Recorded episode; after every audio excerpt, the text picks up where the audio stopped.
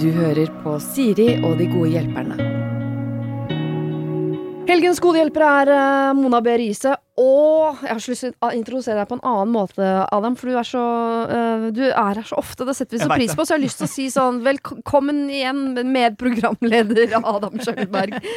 Jeg må snart være den gjesten som har vært der mest, tror jeg. Ja, men Vi rekker aldri å invitere deg ekte, fordi Nei, du er sånn som alltid må steppe inn når andre er syke. Og da kommer Adam, og, og da rekker vi Så det, du er eh, ønsket høyest oppe på lista, men vi rekker aldri å invitere deg, eh, på en måte. Ja. Eh, eh, Mona, du er hoveddommer i Stjernekamp. Å, ja, det er vel det man kan si, selv om de pleier jo aldri å si dommer, man er ekspert. Ja, hovedekspert. Ja, jeg er fast, da, kan man si. Ja. Mm. Og det er eh, altså så underholdende hver lørdag å se på. Kose meg i hjel. Gleder meg jo hvert år til opera og rapp, men i år har det vært mye gøy. Mm. Er ikke det rart, liksom, etter tien, altså det er tiende sesong, og så er det gøy likevel? Fortsatt. Ja. Ja. Dere må aldri ta bort opera og rapp. Nei. Det må dere ikke gjøre. Aldri. Kanskje du skal ha det på slutten en gang, de to sammen, for nå går dere, har dere gått over til å ha to låter hver gang. Så man får en sånn Å, neste uke er det opera og rapp. Skal vi se. Opera-rapp.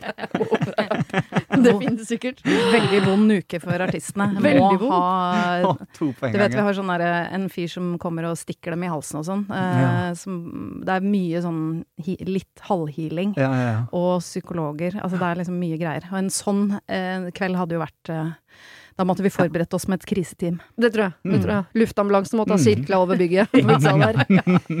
Adam, du har jo vært med på Stjernekamp nesten, har du ikke det? Bare på TV3 i sånn kjendisversjon for 150 år siden. Takk, Siri. Takk. Det er jo der vi først og fremst kjenner deg fra. Det er det ikke.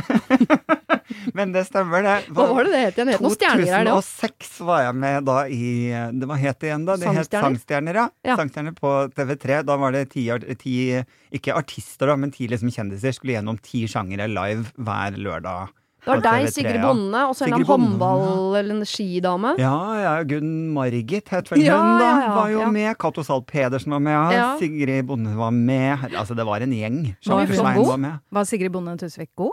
Ja, faktisk. Hun hadde med seg gitar, men det på en måte holdt i et sånn par-tre programmer, og så var det brukt opp, liksom. Jeg husker jeg ba henne eh, prøv å synge sanger som utelukkende har mannlig vokal, for da kan du ikke sammenlignes med noen. Sant. Så hun sang bare sånn manne- Ja, ja, ja, ja, ja. Veldig, Stemmer veldig smart. Og er, det så, er det smart? Eh, Jeg Jeg la følte meg smart. til at Alexandra har gjort det samme på Stjernekamp. Er det det hun driver med? Gosse der. Du skulle vært mentor og ekspert på, på Stjernekamp, du nå. Det det. dette kan du. Du har jo så god erfaring. Ja, ja, ja. Helt fra 2006 har Jeg kan du jo da drevet og legge til coachet. at jeg vant, da. Nei! Nei, Ja, ja. gjorde du det? Ja, ja. Jeg ante det ikke! Du har ikke holdt det høyt nok. Men jeg vant da. Hva sang du i finalen? sjanger. Og hvem slo du ut? I, det var jo det som var veldig gøy, var jo det at jeg var da i finalen mot uh, Chartersveien. Så nivået var ikke sånn megahøyt. Så jeg vant, for å si det. Men da hadde jeg danka ut alle i alle sjangere etter hvert, og i finalen så sang vel jeg Young Americans til David Bowie. Faktisk. Oi! Oh. Oi. Det, det Ja. føler jeg fins, det på YouTubes. Mm. Og da skal jeg sjekke ut det. Jeg lurer på om vi skal inn der og titte litt på det etterpå, ja. Men takk Syns for at du det. dro opp det, Ja. Tusen takk. Og så har jeg også lyst til å snakke om at du har vært på uh, 71 grader nord duo, som er en, da en ny form for Ja, Kjendis 71, 71 hvor man grader nord Teams. teams, ja. Ja. Og man går som par, to og to. Ja, tidligere deltakere og alt mulig pares opp i, i duoer, og skal gjennomføre 71 grader nord bare som duo. Og da ble du paret opp, misforstå meg rett, med eh, Jon Almaas. Mm. Mhm. Er det en mann du kunne sovet i telt med 28 dager, Mona? tenker du? Eller noen du kunne tenke deg å sove i telt med? Nei, nei, nei, det fins ikke ett menneske jeg ville sovet i telt med 28 dager. Nei. Jeg kunne vurdert en av hundene mine, eventuelt begge, Mm -hmm. uh, men jeg tror heller ikke det hadde vært uh, noe for meg. Optimalt, Altså, nei. liksom. Mm. Men uh, et døgn, det hadde vært helt topp. Ja. Ja. Ja, ja. Mm. Men kanskje Ja. ikke med Jon Almaas, jeg vet ikke, jeg kjenner ham ikke i det hele tatt. Du har sikkert lært veldig mye. Å, helt Veldig, sikkert. veldig mye. Han er jo full av kunnskap, den mannen. Den, den får man nå, den kunnskapen. Ja, jeg tror jeg skal Ja. invitere han hit snart. Og se, kanskje han også er flink på å gi råd. Det vet jeg ikke, men det vet jeg at dere er, for dere har vært her mange ganger før. Og det er det vi nå skal. Ja. Vi starter lett. Hei, Siri og dine fine hjelpere. Jeg har eh, et lite, men et hyggelig problem. Endelig er det covid-retur, og jeg har blitt bedt til innflytningsfest. Jeg er fra meg begeistring og kommer nok til å få overtenning. Men vertinnen i denne innflytningsfesten er vel det man kan kalle en meget fin Frognerfrue. Hun er 65 år ung og verdens kuleste, men har dyre vaner, og leiligheten som skal innvies er i seg selv noe de aller færreste kan drømme om. Så til problemet. Jeg er 36, middels høy inntekt, inntekt og særdeles lite dyre vaner. Så hva i all verden skal man ha med da i innflytningsgave? Se for meg at mange av gjestene kommer til å gi dyre gaver, men jeg tror ingen forventer det av meg, altså. Men jeg vil jo så gjerne gi noe fint som kan glede en fin, sprek dame. Til bonusinfo så er hun veldig glad i vin og hunder, om det kan hjelpe litt på kreativiteten. Oi. Alle forslag tas imot, jeg er litt rådvill her, selv om jeg gleder meg innmari til fest, altså. Er jo fristende å foreslå å gi en hund, men eh, Bare gi en hund det, til. I hodet ser jeg for meg at det er lille Bendriss som skal på fest Jeg til. tenkte Lille Bendriss! Veldig gøy. I så fall vet hun hva du skal gi i gave, så det er helt fett. Nettopp. Altså, jeg jeg vet ikke, jeg må bare kjenne etter. Det er jo innimellom at man støter på den der problematikken der sjæl. At man føler liksom ok, her er det noen som er veldig Porsche og veldig flott. Eh, og hva i all verden skal man gi, da? Det, det er et problem jeg kjenner meg igjen i noen ganger. Jeg liker ikke å, å gjøre feil, eh, og noen ganger, så særlig når man er uvant med liksom, festligheter og, og møte mennesker, så er man jo plutselig litt sånn derre eh, Liksom vet Mm. ikke helt hvor man skal trå riktig og, og feil. Så jeg skjønner at selv om dette i utgangspunktet virker som et lite problem, kan være noe som gjør at man kan få litt noia for at man Mm. driter seg ut. Mm. Eh, Jeg har en nabo som heter Astrid, som eh, gir eh, meg, som er veldig rik Nei, ikke så veldig rik. Vi bor i rek rekkehus, og hun bor i rek ja. borterste. Men eh, hun gir meg Fikk nettopp nå karamelliserte plommer på et glass. Oi. Og det var helt sinnssykt godt, fordi Ja. altså, da er det egne plommer, og så har hun lagd en slags karamell, salt karamell, og så er de stekt i det. Altså, det er jo ingenting du kan tillate deg selv å verken kjøpe eller spise, eller sånn. Men når hun ga meg det, Ja. så ble jeg fryktelig glad. Har spist opp hele. Ja. Ja, for noe annet ville vært uhøflig, så da må man bare Ja, ja, ja. ja. sende mail til slankeguden og si 'dette skal ned'. Men jeg liker faktisk det der å, å få noe hjemmelagd. Eh, ikke en tegning, men, eh, noe man, men noe man kan spise. er Jeg, eh, Ja. Det er jeg helt for. Jeg har fått eh, solbærgelé og noe syltetøy altså fra to separate venner eh, i løpet av denne siste tiden. Og jeg har altså slurpet i meg med så mye hjertevarme og glede. For det at hun liker vin, eh, er jo sånn nesten litt vanskelig, for da hva gir du da? Da må du kanskje gå for naturvin, da. Som er liksom sånn særhet, og da vet du akkurat hvilken gård det er fra, og den Ja. druen, og liksom kan fortelle en sånn flott historie om at dette var måten de lagde vin på i Jeg vet ikke når de drev med naturvin. Men, eh, men det vet jo Det er lurt. Det kunne gått an, kanskje. Ja, men hvis hun ikke er sånn som på en måte er av mm, typen som karamelliserer egne plommer det, det er jo egne folk som driver med sånt. ja, det er sant. Jeg bare lurer på, Kanskje finnes det noe sånt sted man kan dra og, og, og tråkke sine egne vindruer, få lagd sin egen vin med etikett og si sånn Denne får du nå, vi skal drikke den sammen om fem år, for det er først da den er god. Ja. Aktiv, så det blir en sånn Jeg har gjort noe, Ja. og det er en investering i oss to-aktig. At det blir noe sånn Flottesen. Jeg synes det hørtes litt dølt ut, men ah, ja. uh, ok. Ja, men hun er glad i vin, og jeg tenker sånn kjøpe Ja, ja. en dyr vin er jo Poenget her er at hun ikke har råd til å kjøpe noe dyrt. Jeg liker Mhm. veldig godt det der å, å, å lage noe, men det er vi, eh, altså sånn hjemmelagd vin er jo ofte så fryktelig vondt. Ja. Ja. Og man blir veldig kvalm. Altså, jeg Mm. husker min debut på drikking var jo eh, mora til Heidi som lagde ripsvin i Ja. kjelleren, som vi brøt oss inn og drakk før den var ferdig, og kasta opp altså så fryktelig mye. Ja. Ja ja, det karma. Eh, så der, der er liksom Akkurat med å lage vin, så er jeg litt skeptisk, bare fordi Ja. jeg har dårlig erfaring, da.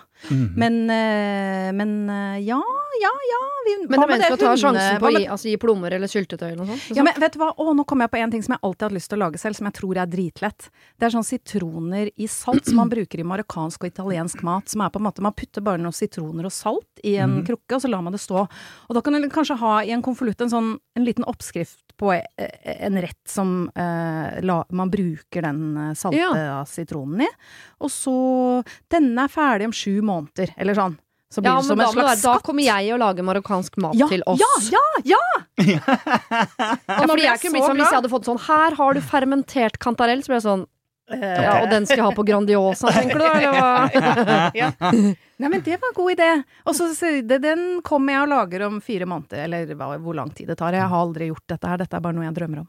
Er jeg har sånn eh, eh, et vennepar av meg som har eh, katt, som de er veldig veldig glad i. Mm. Eh, og det er sånn, no, Noen ganger når de har fester og alt mulig rart, så får jo de veldig mye gaver. Og da er jeg han som sier sånn «Ah, Katten deres får jo aldri noe. Og så har jeg da vært på dyrebutikken og kjøpt alt mulig rart og lagd en sånn gaveeske til katten. Har kosta liksom sånn 300-400 kroner, men da er det sånn fun pack, da.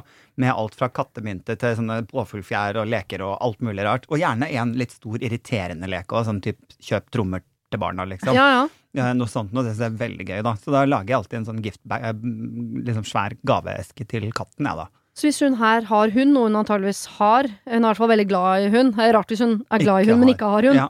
Da skal du ikke kjøpe inn sånn den dyreste hundefrisbeen. Det blir Nei, bare rart. sant? Men eh, ja, et sånn hundekit, ja. Ja, Jeg jeg kom på at jeg fikk av en venninne en sånn Altså akkurat som en smokingsløyfe til Chili, som er eh, guttehunden min, og så en, en sånn slags eh, nydelig eh, sånn krage til Ikke? Sandy. Sant, og det er jeg fortsatt veldig glad for, for Det når det er nyttårsaften og sånn, da, vet du, så tar jeg den på, jeg. Og hvis hun er litt sånn Porsche også, hun damen, så syns du sikkert det er sånn smoking og noe tiara til hunden. Det er sikkert gøyalt, vet du. ja. Det, Det er det beste forslaget, syns jeg. Gi noe til hunden. Gi noe du har laga som, som ender opp i noe dere skal lage sammen senere, som en opplevelse. Eller gi noe til bikkja. Ja. Kjempelurt. Altså, Vi skal over til en som lurer på om hun er en bitch. Så det er et slags ja-nei-spørsmål, dette, da. er det du som har sendt inn selv, Siri?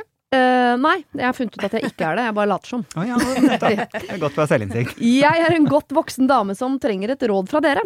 Er jeg bitch som nekter min nye kjæreste å ha kontakt med tidligere Tinder-match-dater på Snap, Facebook osv.? Jeg kjenner han godt fra før, da vi har hatt et langt forhold sammen tidligere, men dette føles både rart og ikke helt bra. Hva tenker dere? Kan jeg tutta? At du er tutta uh, bitch eller ei?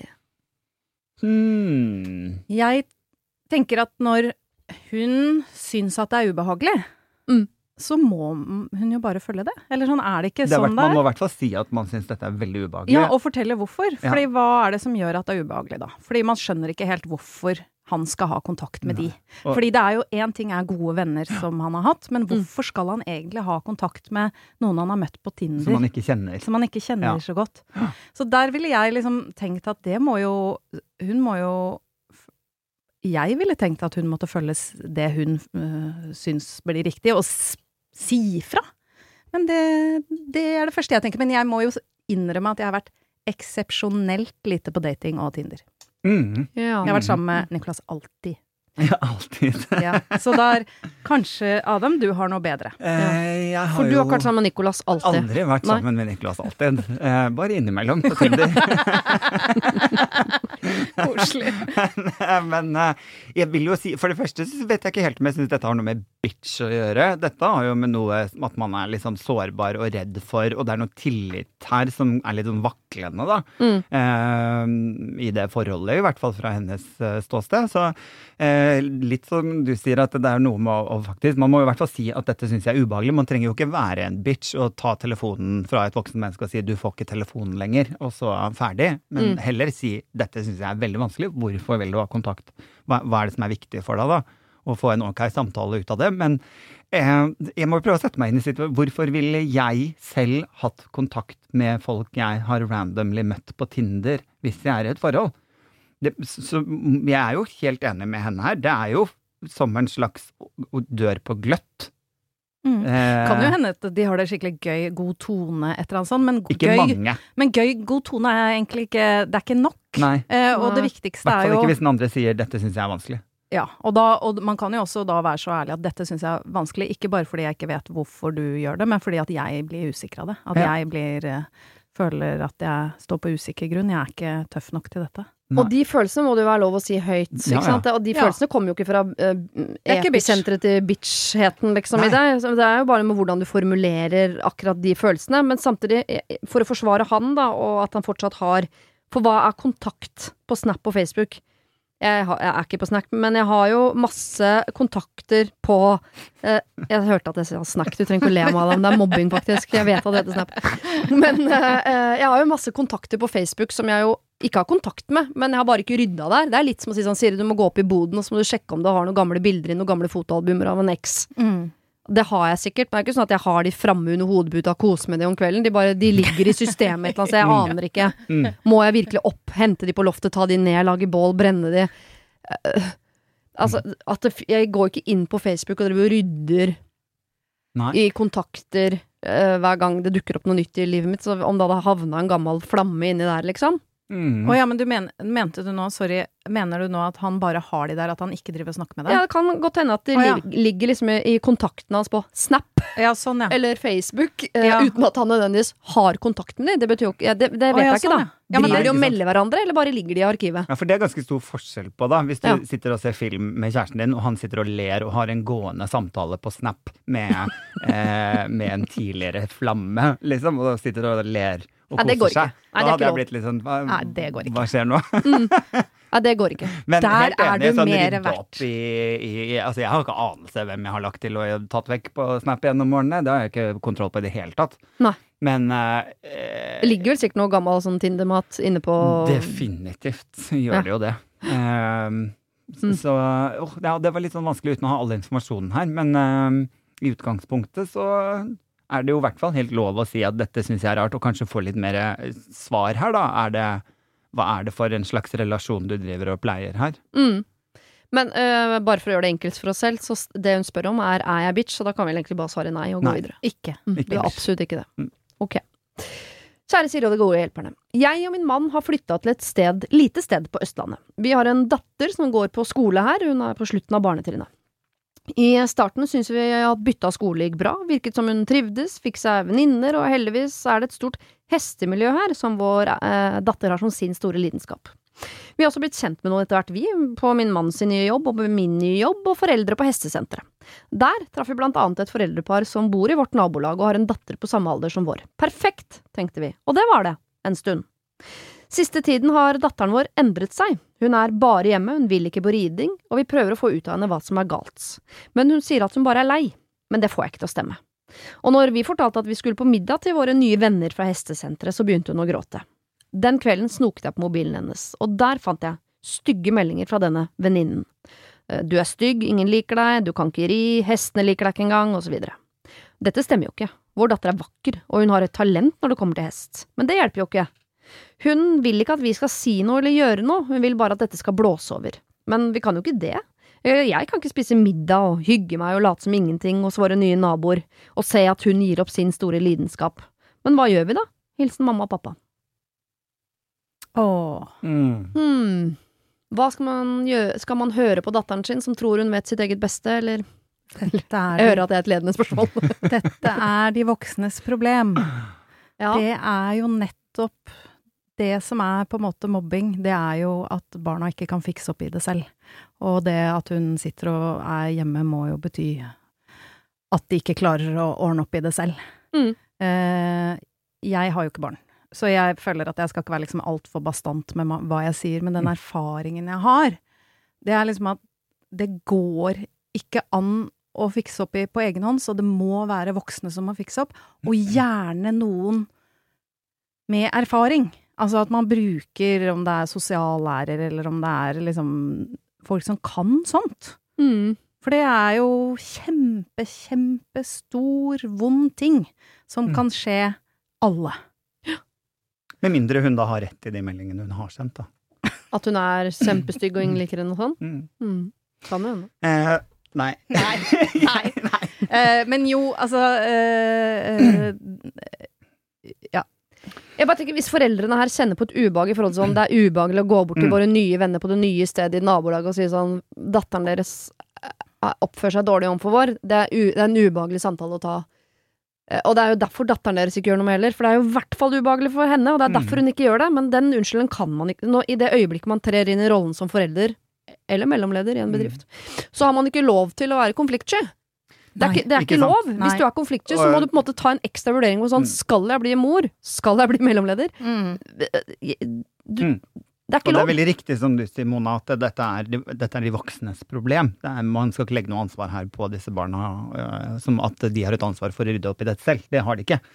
Eh, og man, her igjen kan man jo gå inn og, og mm, Det kommer jo an på hvordan du tar det opp med disse foreldrene. Én ting er jo å ringe på døra, stå med armene i kors og si 'datteren din sender ubehagelige meldinger til datteren vår'. En Mm. annen ting er jo å si at det, nå har det skjedd noe veldig dumt nå. ikke sant? Disse, disse som var så gode venner, og vi har oppdaget at dette og dette har skjedd. Man kan jo gå inn med en ikke veldig angripende tone her, kanskje. Mm. Men at det er foreldrene som må rydde opp i det, det er det jo.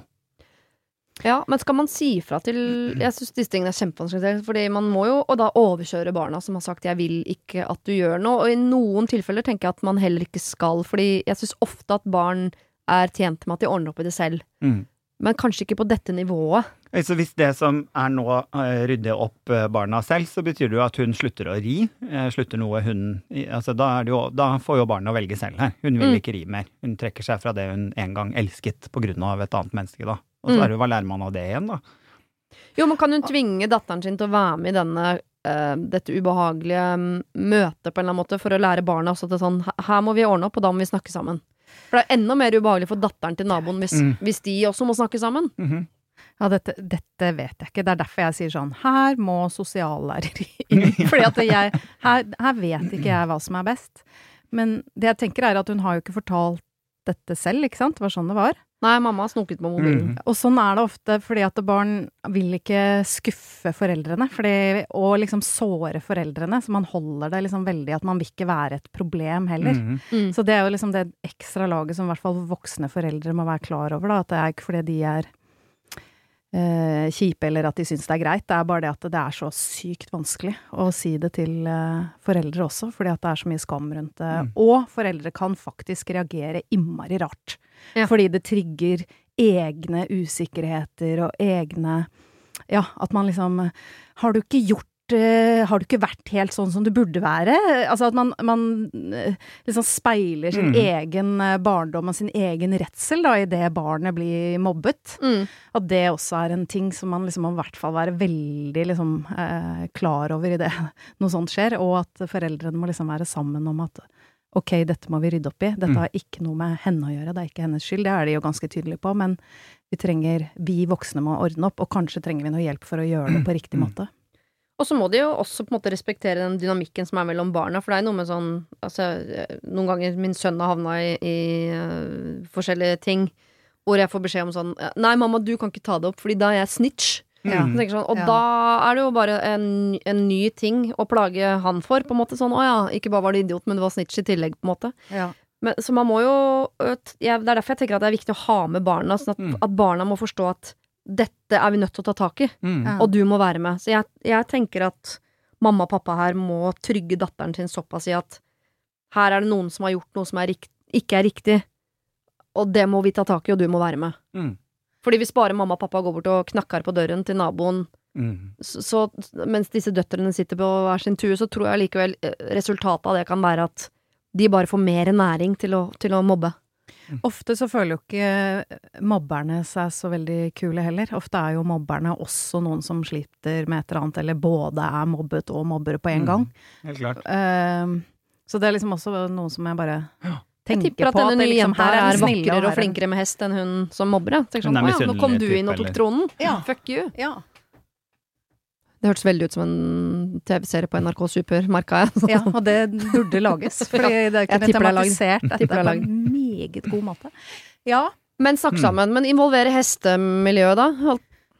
Så jeg- Bam, bam, bam, bam, bam, bam. Jeg kjenner at jeg, jeg er så litt dårlig på dette. Adam. Jeg syns det var en veldig god idé. Jeg, jeg tror ikke at foreldrene skal sette seg ned og fikse opp i det uten barna. Det er jo viktig at barna er med å rydde opp i denne konflikten, og at de er med på, på det å komme seg eventuelt gjennom den konflikten, da. Mm. Og, og bære et ansvar for også en løsning, ikke sant. Ehm, så jeg syns det var et veldig godt forslag, men men jeg tror det jeg kan si er jo at man skal ikke bare la det gå, i hvert fall. Nei. Ikke sant? Det er Nei. jo det viktigste her. Om det er betryggende å ha med en sosiallærer eller noe sånt noe, eller om, om foreldrene føler seg eh, trygge nok til å gjøre den samtalen med barnet. Jeg ville tro det kanskje er best, jeg. Mm. Ja. Og at begge barna får være med på det. Men hva med Jeg skjønner at det virker som om dette er på siden, men eh, hva med den middagen, da? For det er noe med eh, Jeg også bor på et lite sted hvor vi har mange foreldre som har barn som krangler og sånn, og hvis vi foreldre skulle blitt uvenner hver gang barna ble uvenner, Mm. da hadde det vært mye ensomme folk i Follo. Eh, så det går jo ikke. Så jeg syns det er dumt at de foreldrene ikke skal kunne hygge seg med foreldrene bare Ja. fordi barna har en konflikt. Ja. Og man syns jo alltid at sine barn er best og alle andre er grusomme, Mm. eh, til en viss grad. Så jeg tenker at det er greit at, at man skiller det at nå har barna en konflikt, Ja. og vi må hjelpe dem å finne ut av det, men ja. den fårikålen skal ned, liksom. Ja, Ja, ja. ja. Men uh, de burde vel ta den samtalen før den fårikålen? Ja. Eller? Jo, absolutt. Eller midt i. Eller midt i fårikålen, ja. Ja ja. Det er bare å være litt sikker på hva man skal, så går det bra, det. Ja. Mhm. Ok, så summa summarum, øh, dette må tas tak i. Gjerne med barna, Mhm. Uh, og gjerne før fårikålen. Rart uttrykk. Eh, sånn at de på en måte kan finne ut av ting, og dere foreldre kan finne ut av ting. Og husk at det er to forskjellige, mm. to forskjellige ting også. Øh, jeg er så glad det ikke er meg. Ja. Men kan jeg bare si en ting til? Absolutt. Fordi at som uten barn, så opplever jeg bare mine venners barn. -hmm. Ehm, og det jeg kan si, er at nesten alle opplever en sånn krise. Hvor det liksom enten om det er mm, at de får sosial angst, eller er mobbet, eller gjør det dårlig på skolen, eller liksom Og så, hvis man tar det alvorlig, så går det nesten alltid bra. Mm. Eller det går så Altså, for det jeg har opplevd, så går det alltid bra. Men det er noen fryktelig tunge eh, liksom tørner der. Men så hvis man tar tak i det på en ordentlig måte, så går det bra. Det tror jeg er viktig å vite, og at alle opplever motgang, og det er de som på en måte ikke gidder å ta tak i det. Da er det liksom større sjanse for at det kan skli ut, enn de Mm. som faktisk Ja. tar tak i ting og vet at ja, eh, mamma, hun ordner opp, eller pappa, han ordner opp, eller begge, eller altså Ja. ja. Ok, men han har jobb. Jeg syns jeg har hørt en milliard ganger diverse venner si sånn åh, jeg visste hvor mye lei meg jeg skulle være når jeg fikk barn, så tror jeg kanskje jeg bare droppa det. men det er jo for seint, da. Det er for sent. Ok, vi skal holde oss litt innenfor tematikk. Eh, Skjørt mamma-image står det i hvert fall på toppen her. Her sier de og dine kloke hjelpere. Jeg sitter med et problem som kanskje handler mer om mine følelser enn om virkeligheten. Jeg vet ikke, og det er det som river meg mest. Jeg vet ikke. Jeg synes det er vanskelig å vite om jeg er god nok mor for min sønn på 17 år. Han er en helt super ungdom som jeg selvsagt elsker over alt, og samtidig digger jeg personligheten hans. Han er snill, selvstendig, han har alltid fått tilbakemelding på at han er god, omtenksom, øh, en god venn og i skolesammenhenger. Han har vært populær fordi han alltid har vært grei med alle, tatt parti med dem som står alene, og vært lite og, øh, eller ingenting i konflikter, egentlig. Eh, han er mye modigere enn meg når noe er urettferdig på egne vegne, og han våger å si fra. Jeg håper og tror at jeg har bidratt til at han har blitt den trygge gutten han ser ut til å være. Problemet mitt er at de siste åra, når puberteten har starta, så merker jeg at han fikk større avstand til meg. Han holder meg på en armlengdes avstand når det gjelder hans følelsesliv, ja, egentlig alt av personlig info. Eh, svaret irriterer når jeg spør om ting som kjæreste, om skolearbeid, mye med. Nei, mer med. Altså, jeg, klarer ikke å prate i dag. Det Mer, går litt mer. Jeg har drukket Jeg veldig mye kaffe, og det har lagt seg i pusterøret mitt. Med mer. Altså, han svarer veldig irritert tilbake, da. Samme det. Jeg gir ikke. Mm, samme for deg. Sånn sikkert. Alt dette er sikkert normalt. Men jeg føler at jeg mister kontakten. Jeg har jo ikke en dritt å klage på når det gjelder han, men jeg ønsker så veldig å kjenne meg trygg på hvordan jeg skal være som mamma. Jeg er livredd for å bli som min mor. Jeg hadde en ganske traumatisk oppvekst selv, med mye vonde opplevelser. Min mor var ganske invaderende og kritisk til meg, og det ble mye fysisk og verbal vold fra deres side. Jeg bestemte meg for å bli motsatt.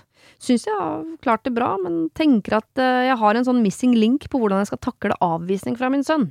Jeg blir liksom paralysert når han blir irritert på meg. Jeg lar han bli det, og jeg støtter han. Har alltid gjort det. det på øh, å uttrykke alle følelser og så videre. Men det gikk ikke utover mitt selvbilde som mor tidligere. Da handla det om andre ting, at jeg eh, var den han delte alt med, den han ville ha trøst av. Jeg kunne få tegninger, lapper og uttalelser som at du er verdens beste mamma, jeg elsker deg, og jeg vil gjøre ting sammen med deg. Nå kjenner jeg meg som en plage, egentlig. Jeg forsøker å ikke irritere, og prøver ofte å si minst mulig, men jeg vrir hjernen min for, for å finne på ting å snakke om som kan gjøre at vi har en god samtale, men han virker ikke interessert. Nå har jeg blitt misunnelig på nesten alle vennene hans, og vennene mine som har sønner og døtre som de krangler med og har problemer med, og som likevel ser ut til å ha større innblikk i ungdommenes indre verden. Jeg føler meg som en udugelig dust som ikke pusher og presser på, men jeg kan jo ikke lage krangler når han er grei og snill. Han har gode venner, sunne interesser og gjør det greit på skolen. Jeg tenker at det er min erfaring som ungdom om manglende trygghet og verktøy som gjør at jeg blir stum og usikker i møte med min sønn. Jeg er utdanna pedagog, kommer inn på slutten her, eh, og har kunnskap nok til å skulle fikse det. Jeg har arbeida med barn og unge og kjenner meg trygg på hva som må til for å skape god dialog eh, når det er konflikter, men jeg har liksom ikke snøring på hvordan jeg skal kunne ha et nært forhold til min nydelig veltilpassede sønn. Men ja. Er ikke så nydelig og veltilpasset allikevel. Jo, men han, han bare trenger ikke henne akkurat nå, kanskje? da? Jeg vet ikke. Er det ikke litt sånn, da, at eh, det er altså, Dette sier hun jo selv også, at uh, dette er jo tydelig noen som har gått inn i tenårene. Mm. Ikke sant? Og, og man kan jo som tenåring kanskje også ha et sånn behov for å eh, ja, etablere seg selv som voksen, og at det betyr også at relasjonen endrer seg i forhold til de voksne rundt, fordi nå er jeg selv voksen plutselig, kan jo tanken ofte være som, som tenåring, da. Mm. Eh, jeg kan jo selv si at jeg også var mammas beste venn til omtrent jeg var tenåring, og fikk et sånn enormt behov for å skyve henne unna.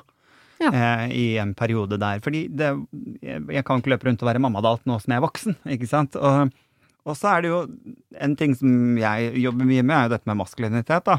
Der vi også vet at liksom rent forskningsmessig så, så vet vi at, um, at gutter slutter å være nær foreldrene sine rett før tenårene, da, og at uh, foreldre er også mye mer fysisk nære med jentebarn enn de er med guttebarn, da.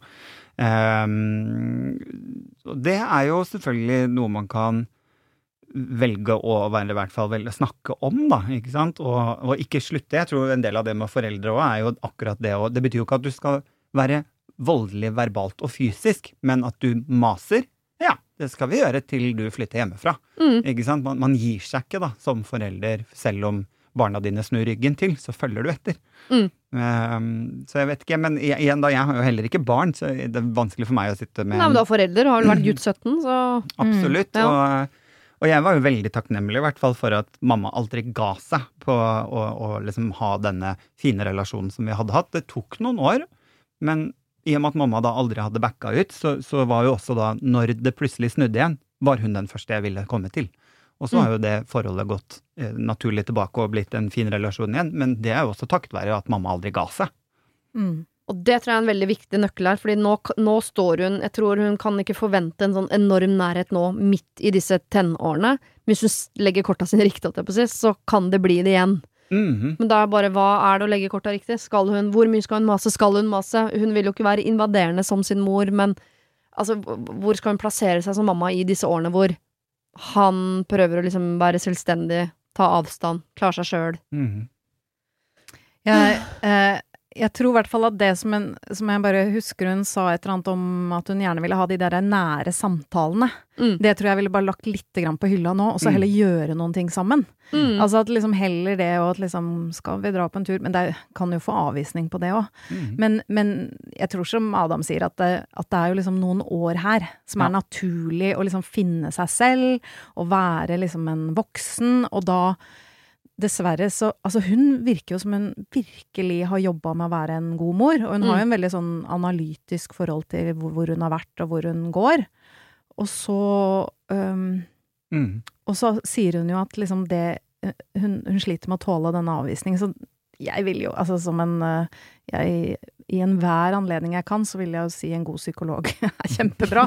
Fordi nå må jo hun faktisk takle sine følelser, Ja. Eh, nesten mer enn hans. Mhm. Så nå må jo hun tåle avvisning, fordi det er den perioden hun er i. Mhm. Så det er liksom bare at um Og så er det noe med å ikke la det være usagt at dersom du vil snakke, Mm. den døren er alltid åpen. Ja. Den er ikke lukket igjen, den er her om det tar ett år, fem år, hva nå enn det er, så, så er jeg her og, Mm. og kan snakkes med. Og det er lov å på en måte Det er jo forskjell da på å være invaderende som hennes foreldre var, som var verbalt og fysisk voldelige. Mm.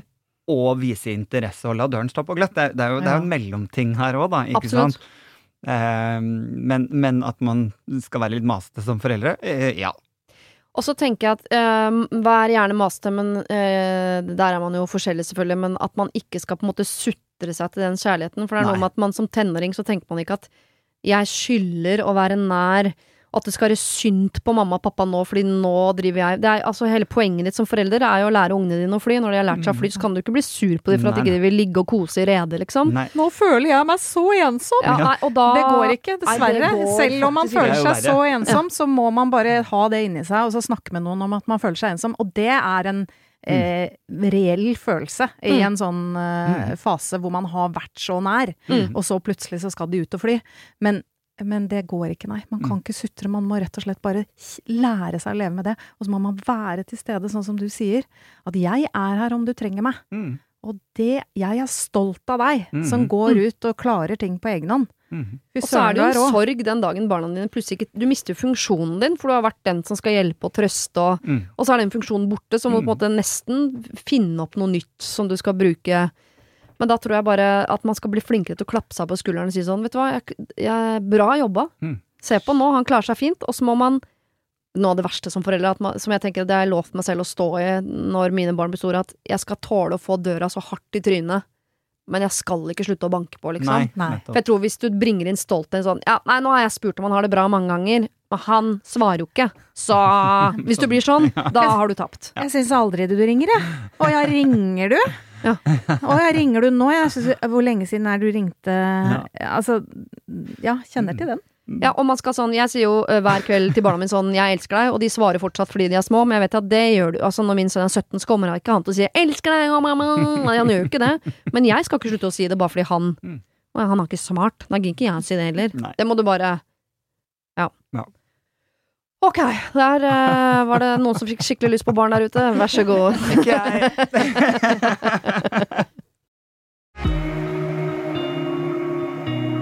Har du problemer selv, send dem inn til siri at radionorge.no.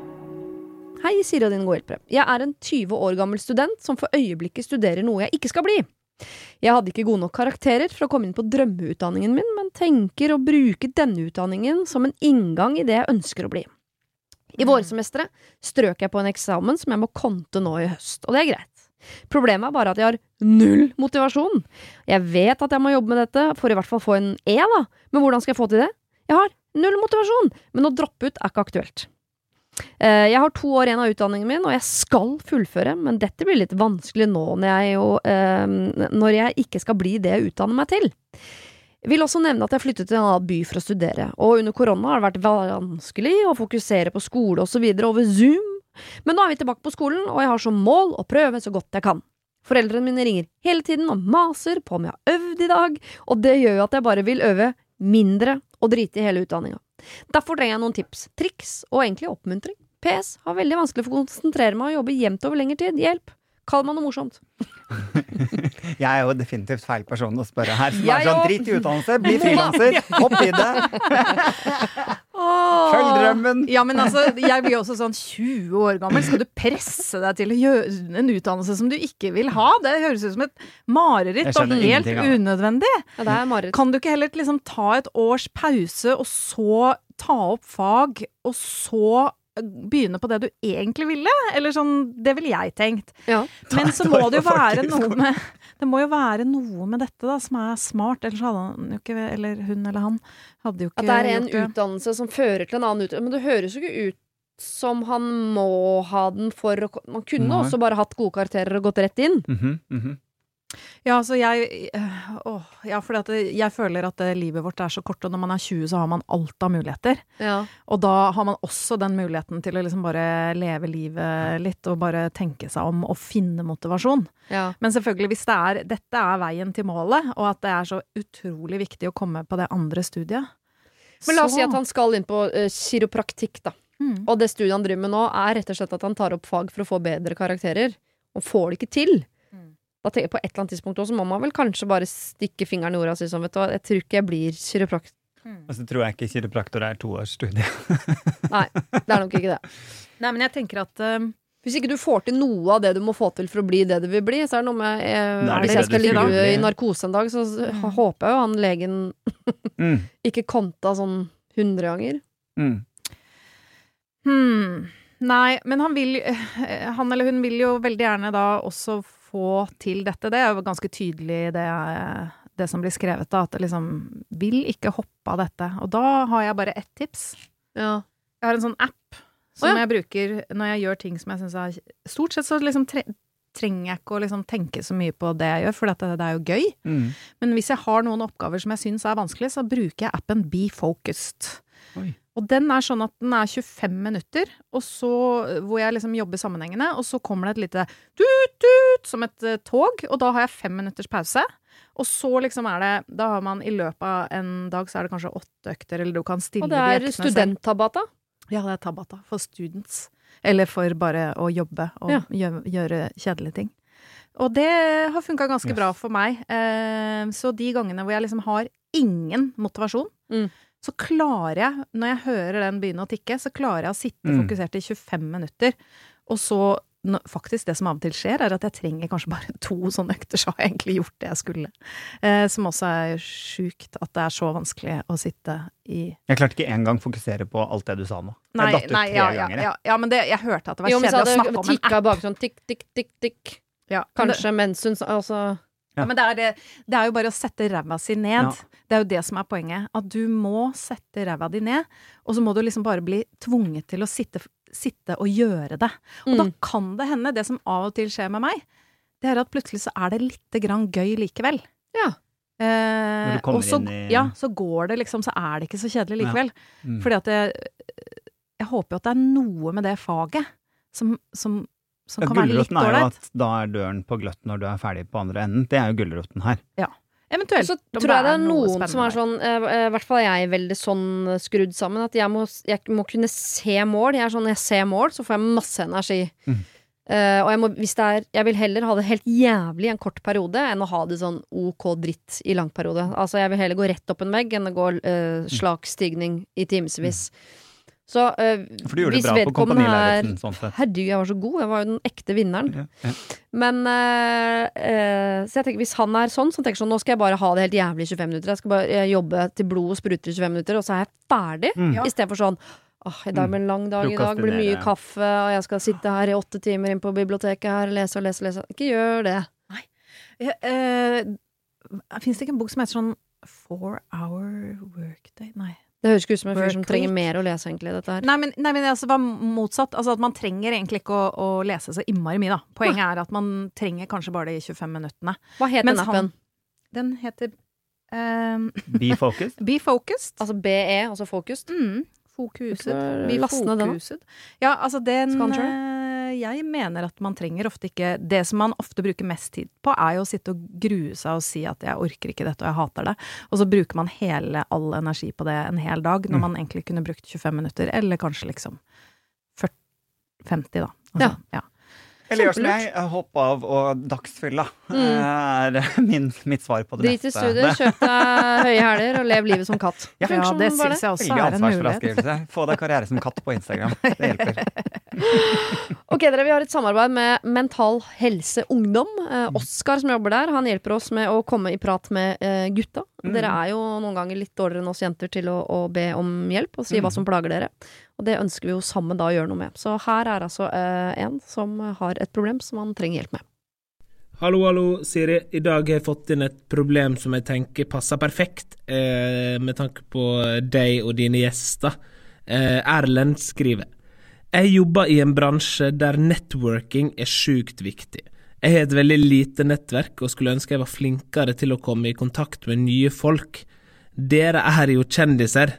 Hvordan kan man gå frem i slike situasjoner, og hvordan kan jeg gjøre nettverket mitt større? Med vennlig hilsen Erlend.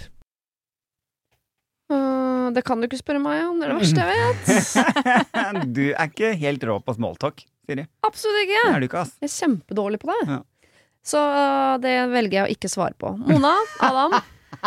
Uh, jeg, Adam er kjempegod, så han Ja. kan begynne, så kan jeg tenke meg litt om. Okay. Adam. Altså, dette er ikke min favoritt. Jeg er heller ikke så veldig glad i å ha et kjempestort nettverk, og jeg er ikke noe glad i networking. Men jeg har jo lært meg noen triks opp igjennom, og der er det nesten litt sånn be focused eh, i 25 minutter. Jeg har en av og på-knapp. Ja. Som jeg kan skru på, og så skrur jeg den veldig fort av igjen. Og jeg har ikke noe, det er ikke sånn at jeg kan skru den opp til fem engang. Den er enten på ti eller på null. Ja. Og så er det da, jeg gir meg da eh, tidsramme, at nå skal jeg være på dette arrangementet fra syv til ni i kveld, og Mhm. da er jeg på, og så gjør jeg jobben min, og så skrur jeg av og går. Så når du er hyggelig, så er du bare på jobb, egentlig. Mest uh, når det kommer til deg, i hvert fall. Det... jo, men virkelig. Det, altså ja, det kan jeg nesten sikkert si at hvis jeg er veldig liksom, overhyggelig, så er jeg litt sånn Jeg jobber med det, da. Fordi Ja. at jeg, aller helst ville jeg bare vært hjemme. Ja. Uh, så, men det er jo noe man Dette med smalltalk er jo noe man kan lære seg, rett og slett. Ja. Eh, og bli bedre på, eller i hvert fall for min del funker det å gi seg selv et tidsrom jeg skal inn og, og på en måte jobbe i. Og eh, en av de beste lærdommene jeg har fått av det, har jo vært akkurat det der hvis man skal bruke et ord som er så kleint som, som kjendiseri, da. Men eh, i mange år som jeg syns det var så dørgende vondt og cringe og grusomt at folk kommer og sier hei og, og spør om å ta bilde sammen med deg og sånn. Mm. Eh, så mye at jeg sluttet å gå ut, omtrent. Jeg, Ja. jeg orket ikke det. Jeg vil ikke være i den situasjonen. Og så var det en kompis som sa men du, du er nødt for å gjøre noe med det, for du er nå en gang i denne situasjonen. Så her er det jo din innstilling til det som kan endre det til at du i hvert fall tåler dette bedre. Mhm. eh, og den innstillingen har jo gått på at liksom, disse menneskene er jo bare glad i meg, f.eks. De har bare mm. lyst til å si 'der er du', jeg liker deg veldig godt. Eh, og til og med har jeg skjønt at hvis jeg da bare sier kjappere 'du, skal ikke vi ta et bilde sammen', så er hele denne situasjonen ferdig mye raskere. Ja. Så jeg bare gjør det, så er det ferdig, og så kan jeg gå videre, da.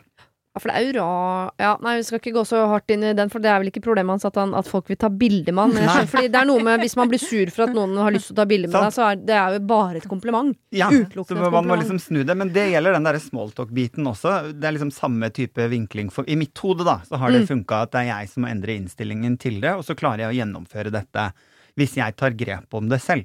Skru på knapp og vær på jobb, på en måte. Anse det som sånn. Nå er jeg på jobb. Ja. Min jobb nå Mm. er å være hyggelig og interessert. Ja, Den er ferdig om to timer, Ja. så er jeg ferdig på jobb. Da stempler jeg ut. Ja. Det funker for meg. Jeg, tenk, jeg er jo også en introvert, men jeg har jo lært meg på en måte til å kose meg med folk. Og en av de tingene som funker veldig bra, er å stille spørsmål. Mm. Mm. Og det er eh, fordi folk Få de rundt til å deg snakke om seg selv. Ja, for de koser seg med det, og så kan jeg kose meg med å høre på det òg. Jeg syns Mm. det er hyggelig. Um, og det er, det er jo en ting Hvis man ikke kan det å stille spørsmål, så er det ofte vanskelig å bonde med folk. Mm. Så det er liksom sånn å, å liksom ha noen ting som man vet er litt lett å snakke om eller eh, spørre om, så, så har man det litt klart, sånn at det ikke blir så stress Mm. i de der eh, situasjonene. Men så tenker jeg også at han må kanskje arrangere noe greier sjøl. Ja. Eh, fordi at det er jo ofte det at man tenker sånn, ja, men jeg blir jo ikke invitert på noe. Og det er jo ofte sånn man føler, at man ikke blir invitert på noe.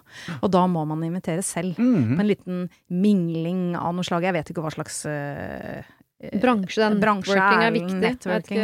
Reklamebransjen, kanskje? Eller? Ja, men kanskje det. Men Mm. da tenker jeg at eh, hva med en liksom etter jobb-greie, liksom? Mm. Og Lønningspils og karaoke. Ja, og så må man også da tåle eh, avslag. Og så kanskje neste gang så går det bra. Ja. Og så må man stille de spørsmålene som gjør at eh, at eh, folk rundt deg blomstrer. Men så du er litt inne på det samme som jeg snakket om. Ja. der, altså, nå går jeg inn her på disse to timene, og jeg er god på å stille spørsmål. Man, man vet at folk er glad i å snakke om seg selv, så kjør på!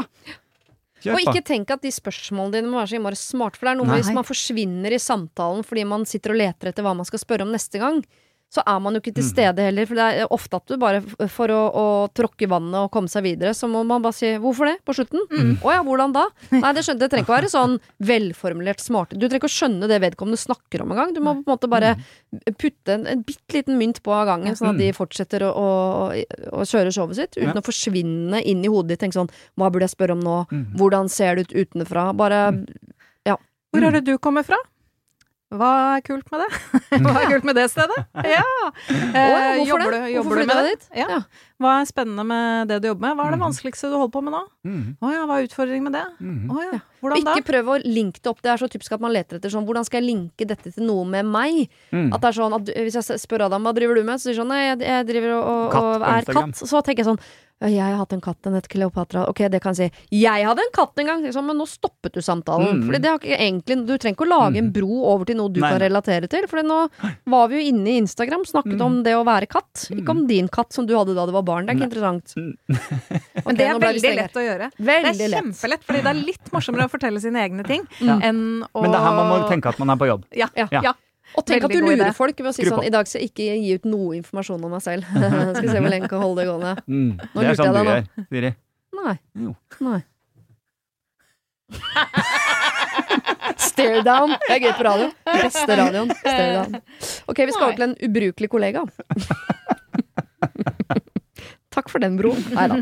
Jeg har en utfordring på jobb. Jeg jobber med voksenopplæring i en middels stor bedrift. Vi jobber med noen lange og enkelte korte kurs, og er satt i ulike team. Jeg elsker å undervise og trives godt i jobben min.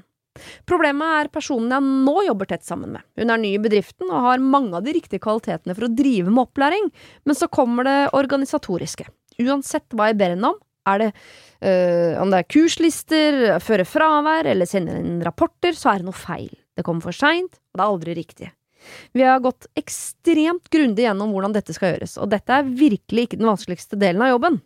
Vi setter eh, stort sett på hjemmekontor, men jeg snakker med henne både daglig på telefonen og på Teams, og har sagt at hun bare kan ringe om hun lurer på noe. Likevel kommer hennes del av jobben til kort.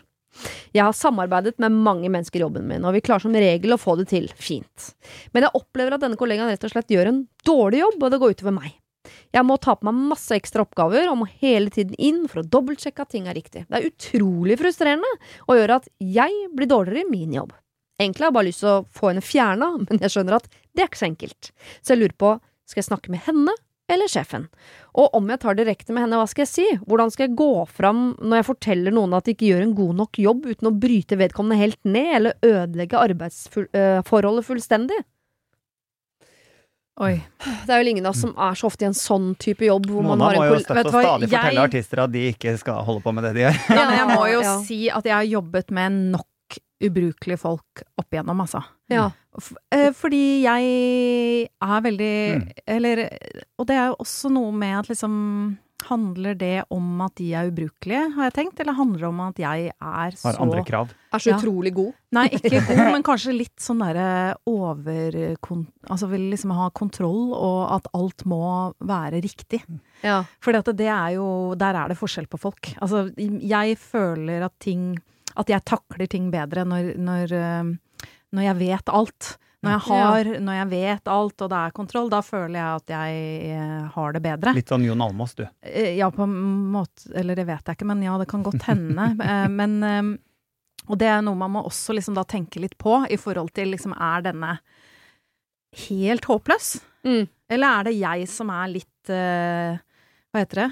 Har høye krav, Anal? liksom. Liksom. Ja.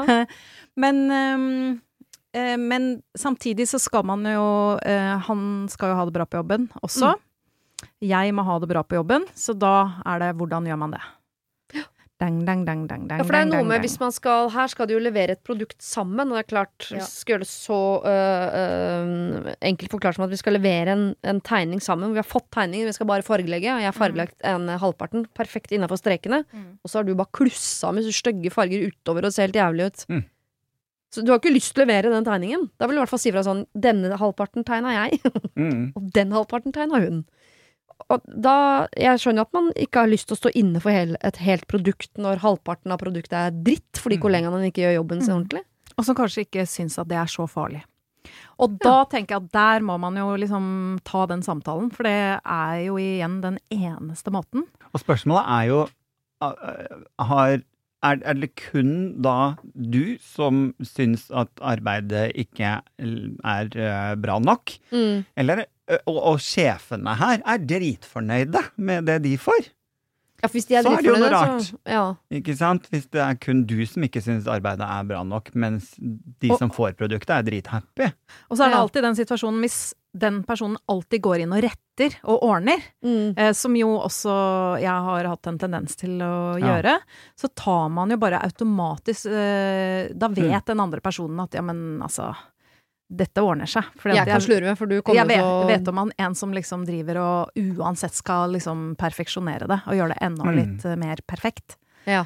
Eh, så der må man, eh, Man må gå litt, ja, mm. man må gå litt inn i seg selv på det, og se liksom kan det være at jeg også er litt Bidrar her. bidrar, ja.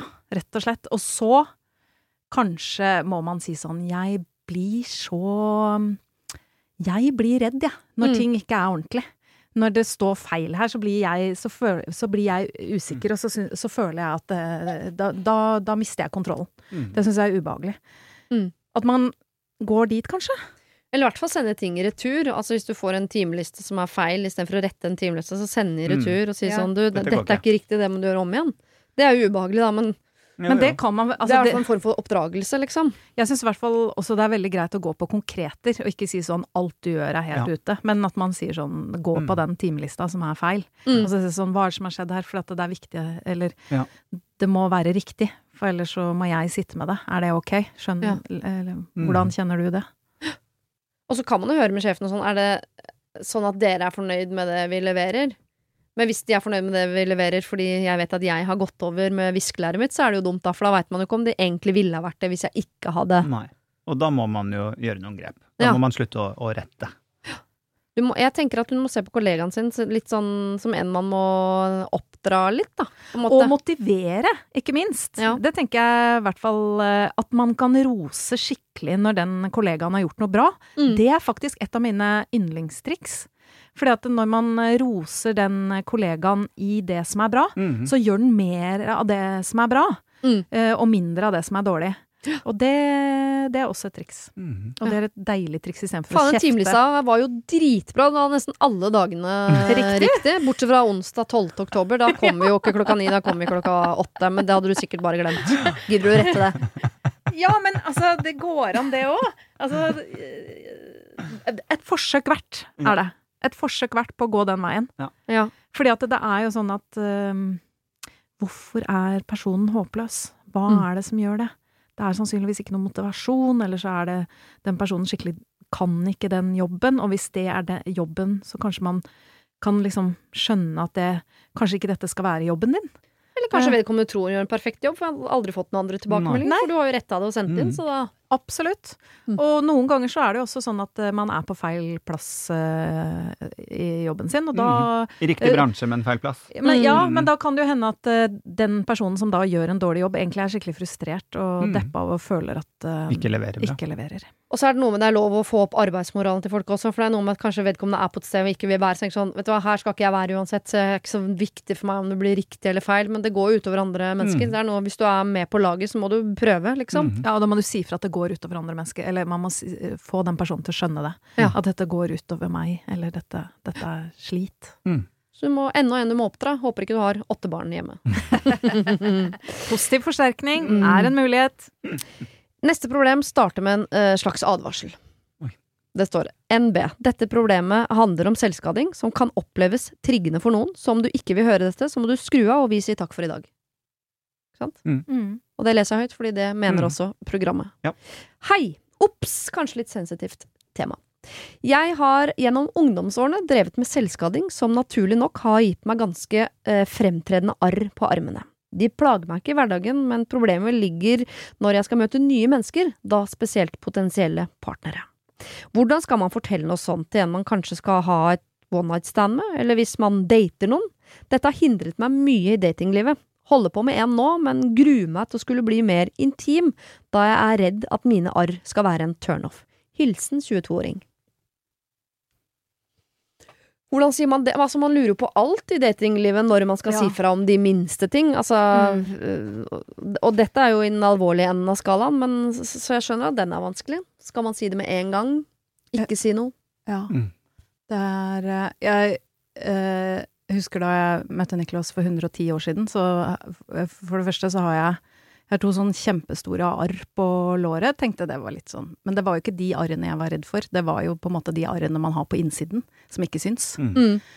Som liksom er alle de derre følelsene man ikke klarer å takle, og som er vondt, og som man har med seg, hvor man plutselig liksom begynner å oppføre seg som en eh, 13-åring fordi Mm. man har det inni seg. Eh, Ting som er vanskelig, og, og ting som man reagerer på på feil måte fordi at man har med seg masse vond bagasje. Så det husker jeg at det syns jeg var liksom noe av det skumle i det vi ble sammen.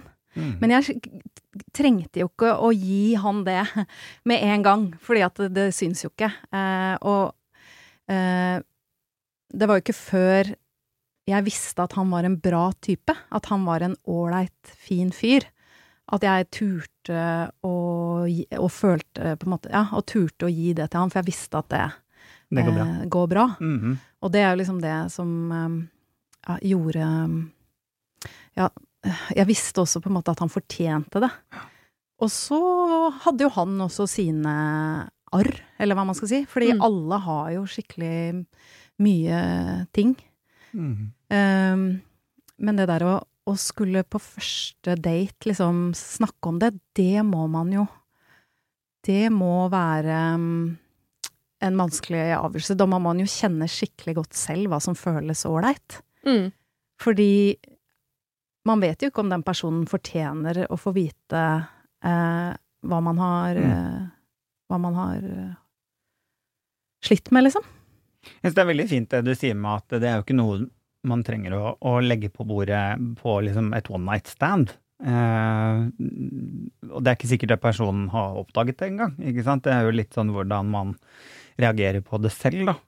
Så, mens igjen, da, etter en stund, så, så, og det føles trygt, så kan man jo løsne opp og fortelle disse tingene. Og alle har jo det med seg uansett, så jeg er veldig sånn enig i akkurat det. Og eh, jeg tror alle kan kjenne på noe sånt noe. Som du sier, arr på innsiden er nok større enn på utsiden uansett, da. Mm. Mhm. Men altså, jeg tenker også sånn Jeg, jeg kan skjønne disse arrene på innsiden. Da, er det, luksusen er at man kan vente, ikke sant? Ja. man føler seg trygg og Ja. måtte eh, ha lyst til å si det høyt. Eh, Den luksusen har ikke denne 22-åringen, for arrene er på utsiden. Men Mm. går det an å på en måte uh, tenke at ok, jeg, jeg skal potensielt ha et one night stand. Jeg trenger ikke å si noe om det. Hvis Mm. han spør, så kan jeg nesten svare sånn Du, det har ikke noe med Mm. oss å gjøre akkurat nå. Den, Mm. Det får du vite en annen gang hvis vi blir bedre kjent, liksom. For det, Ja. det er så typisk at man kan sitte og gi Jeg bare hørte at, at det kunne komme til at noen her sa ja, hvis han er en ordentlig fyr, så takler han jo det. Du kan bare si det med en gang. Det må han bare takle. Så jeg sånn, det er masse ordentlige folk der ute som ikke hadde takla å få den Mhm. sånn Hei, jeg heter uh, Siri, og se på armene mine. Det, jeg bare, det, du trenger ikke å være verdens største rasshål bare fordi du syns det er en sånn vanskelig inngang i et Ja. nytt bekjentskap. I, I et one night stand. Ja, ikke sant? Og da tenker jeg at det kan nok hende at Og så er det ikke så farlig om du mister et og annet one night stand uh, nedover stia, men uh, jeg tenker at du, du trenger ikke å by på den delen av deg Mm, selv. Nei. Hvis du tenker at jeg skal gå inn i et one night stand, og det er det det er. Du, Mm. tre, det, du trenger ikke å bjude deg på den siden. Du kan vente til du tenker at dette er en ålreit fyr som har lyst til å dele den delen av livet mitt med. Mm. Og hvis han spør, så Eller hun spør. Hva har du på armen, da? Ja. Mm. Så kan man kjenne på det selv om man har lyst til å si det. Det som, Mm. det som skjer i det man liksom snakker om det, er vel Det kan være sånn at eh, at det tar bort noe sånn eh, litt sånn skummelt tabu, at det liksom blir litt større eller vanskeligere enn det det egentlig er. Fordi det er jo mange nå som vet eh, at selvskading er en måte å takle vonde mm. følelser på, og som Mm. er på en måte ikke s- eh, Det er ikke så Altså, det er jo forferdelig og vondt, men det er også noe som, som folk vet hva er, og som, Mm. som man kanskje, når man snakker om, ikke blir så eh, vanskelig. Mm. Men jeg mener ikke at, hvem, at man skal liksom gå med det først. Fordi jeg regner med Eller sånn Alle vi mennesker, vi er jo mye mer enn bare de vonde tingene som vi har vært igjennom. Mm. Så det er liksom Å gå med det først inn, det skjønner jeg hvis man ikke har lyst til. Mm. Men hvis man syns at ja, men dette var et kapittel en gang, Mm. uh, og det har- dealer jeg med, liksom, og det passer, så kan man jo Syns jeg ikke det er noe i veien for hvis man føler at det er riktig selv, men her er det jo en som er i tvil, så da regner jeg med at det, at det heller liksom er å, å vente til man Mm. skjønner at denne personen fortjener på en måte min historie. Absolutt. Og man trenger i hvert fall ikke å gå inn i en blind date som jeg føler på et sånt ansvar at her må jeg For jeg tenker sånn, Mm. dette er jo din historie som du velger hvem som skal få lov til å ta del i den. Og det trenger du ikke ta stilling til. På en første kveld. Nei. Nei. Det er jo på en måte Det er jo Det er, jo- det er ditt, og det er jo ikke Og hvis han syns det er problematisk, eller hun du er på date med syns det er problematisk, så er det på en måte Det er ikke ditt problem, egentlig. Eller du Nei. velger Nei. helt sjøl når du velger å dele dette her. Mm. Så, men man må jo være trygg på det, da. Mm. Så man må jo klare å gå inn i den daten uten å ha med seg den øh, følelsen av den varseltrekanten på ryggen, liksom. Mm. Mm. Og så håper jeg at uh, hun, hun kan gå inn med at alle har egentlig noen sånne arr. Fordi at uh, Så det, selv om det er selvfølgelig ekstra vondt at det er på utsiden, så, så tenk på at egentlig så alle mennesker går rundt med noen sånne. Mindre og større. Mm. Men at uh, du er ikke aleine om det. Og jeg vet ikke om det går an å på et eller annet tidspunkt bære med en slags form for stolthet. At dette er min historie, og sånn er det, og jeg har kommet meg gjennom det, jeg er ferdig med det. Kanskje. Kanskje ikke akkurat nå, 22 år gammel, men på et eller annet tidspunkt. Ja. Men du skal i hvert fall ikke føle at når jeg går inn i møte med nye mennesker, så skylder jeg de menneskene en forklaring på hvorfor jeg er som jeg er. Mm. Fordi hadde du ikke hatt arrene på utsiden, så hadde du antageligvis ikke tenkt på de. Mm. Og da, ja, da tenker jeg at du skal få slippe det. Mm. At du kan ta stilling til det underveis, om du har lyst til å si det eller ikke. Og har du ikke lyst, så gjør du ikke det. Og hvis han spør, så kanskje du svarer, Og kanskje du ikke frykten her er jo en eventuell avvisning.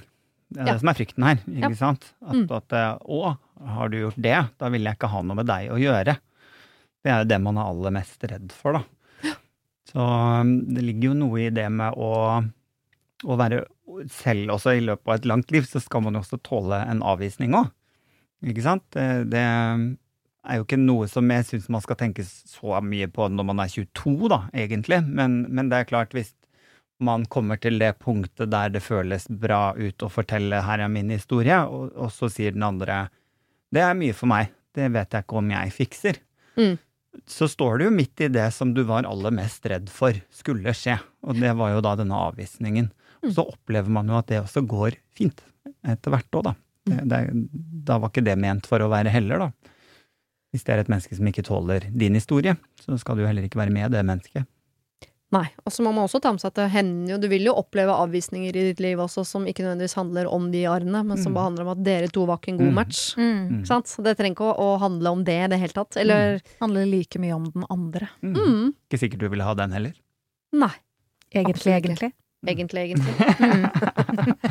Så, vet du hva? Eh, En ting eh, Jeg avslutter denne eh, med en sånn god følelse, for jeg merker når man sitter i dette programmet, så kan man blablabla, kakla går, og man kan snakke om det ene og det andre, og så er det så deilig at man unisont merker at sånn inn i et problem hvor man bare Vi trengte ikke egentlig å snakke om at dette blir vanskelig, folkens. Man Du bare merka at tempoet gikk ned. Alle fikk en annen stemme. Annen måte. Nei, det syns jeg var litt fint. Mm. At man kjenner på den, og den ligger i ryggraden. Mm. Mm. Mm. Tusen takk for at dere ville være mine gode hjelpere denne helgen. Takk for at jeg fikk lov å være her. Ja, det var veldig hyggelig. Det var det. Husk å sende ditt problem til siri at radionorge.no om du vil ha hjelp. Denne podkasten er produsert av Klynge for Bauer.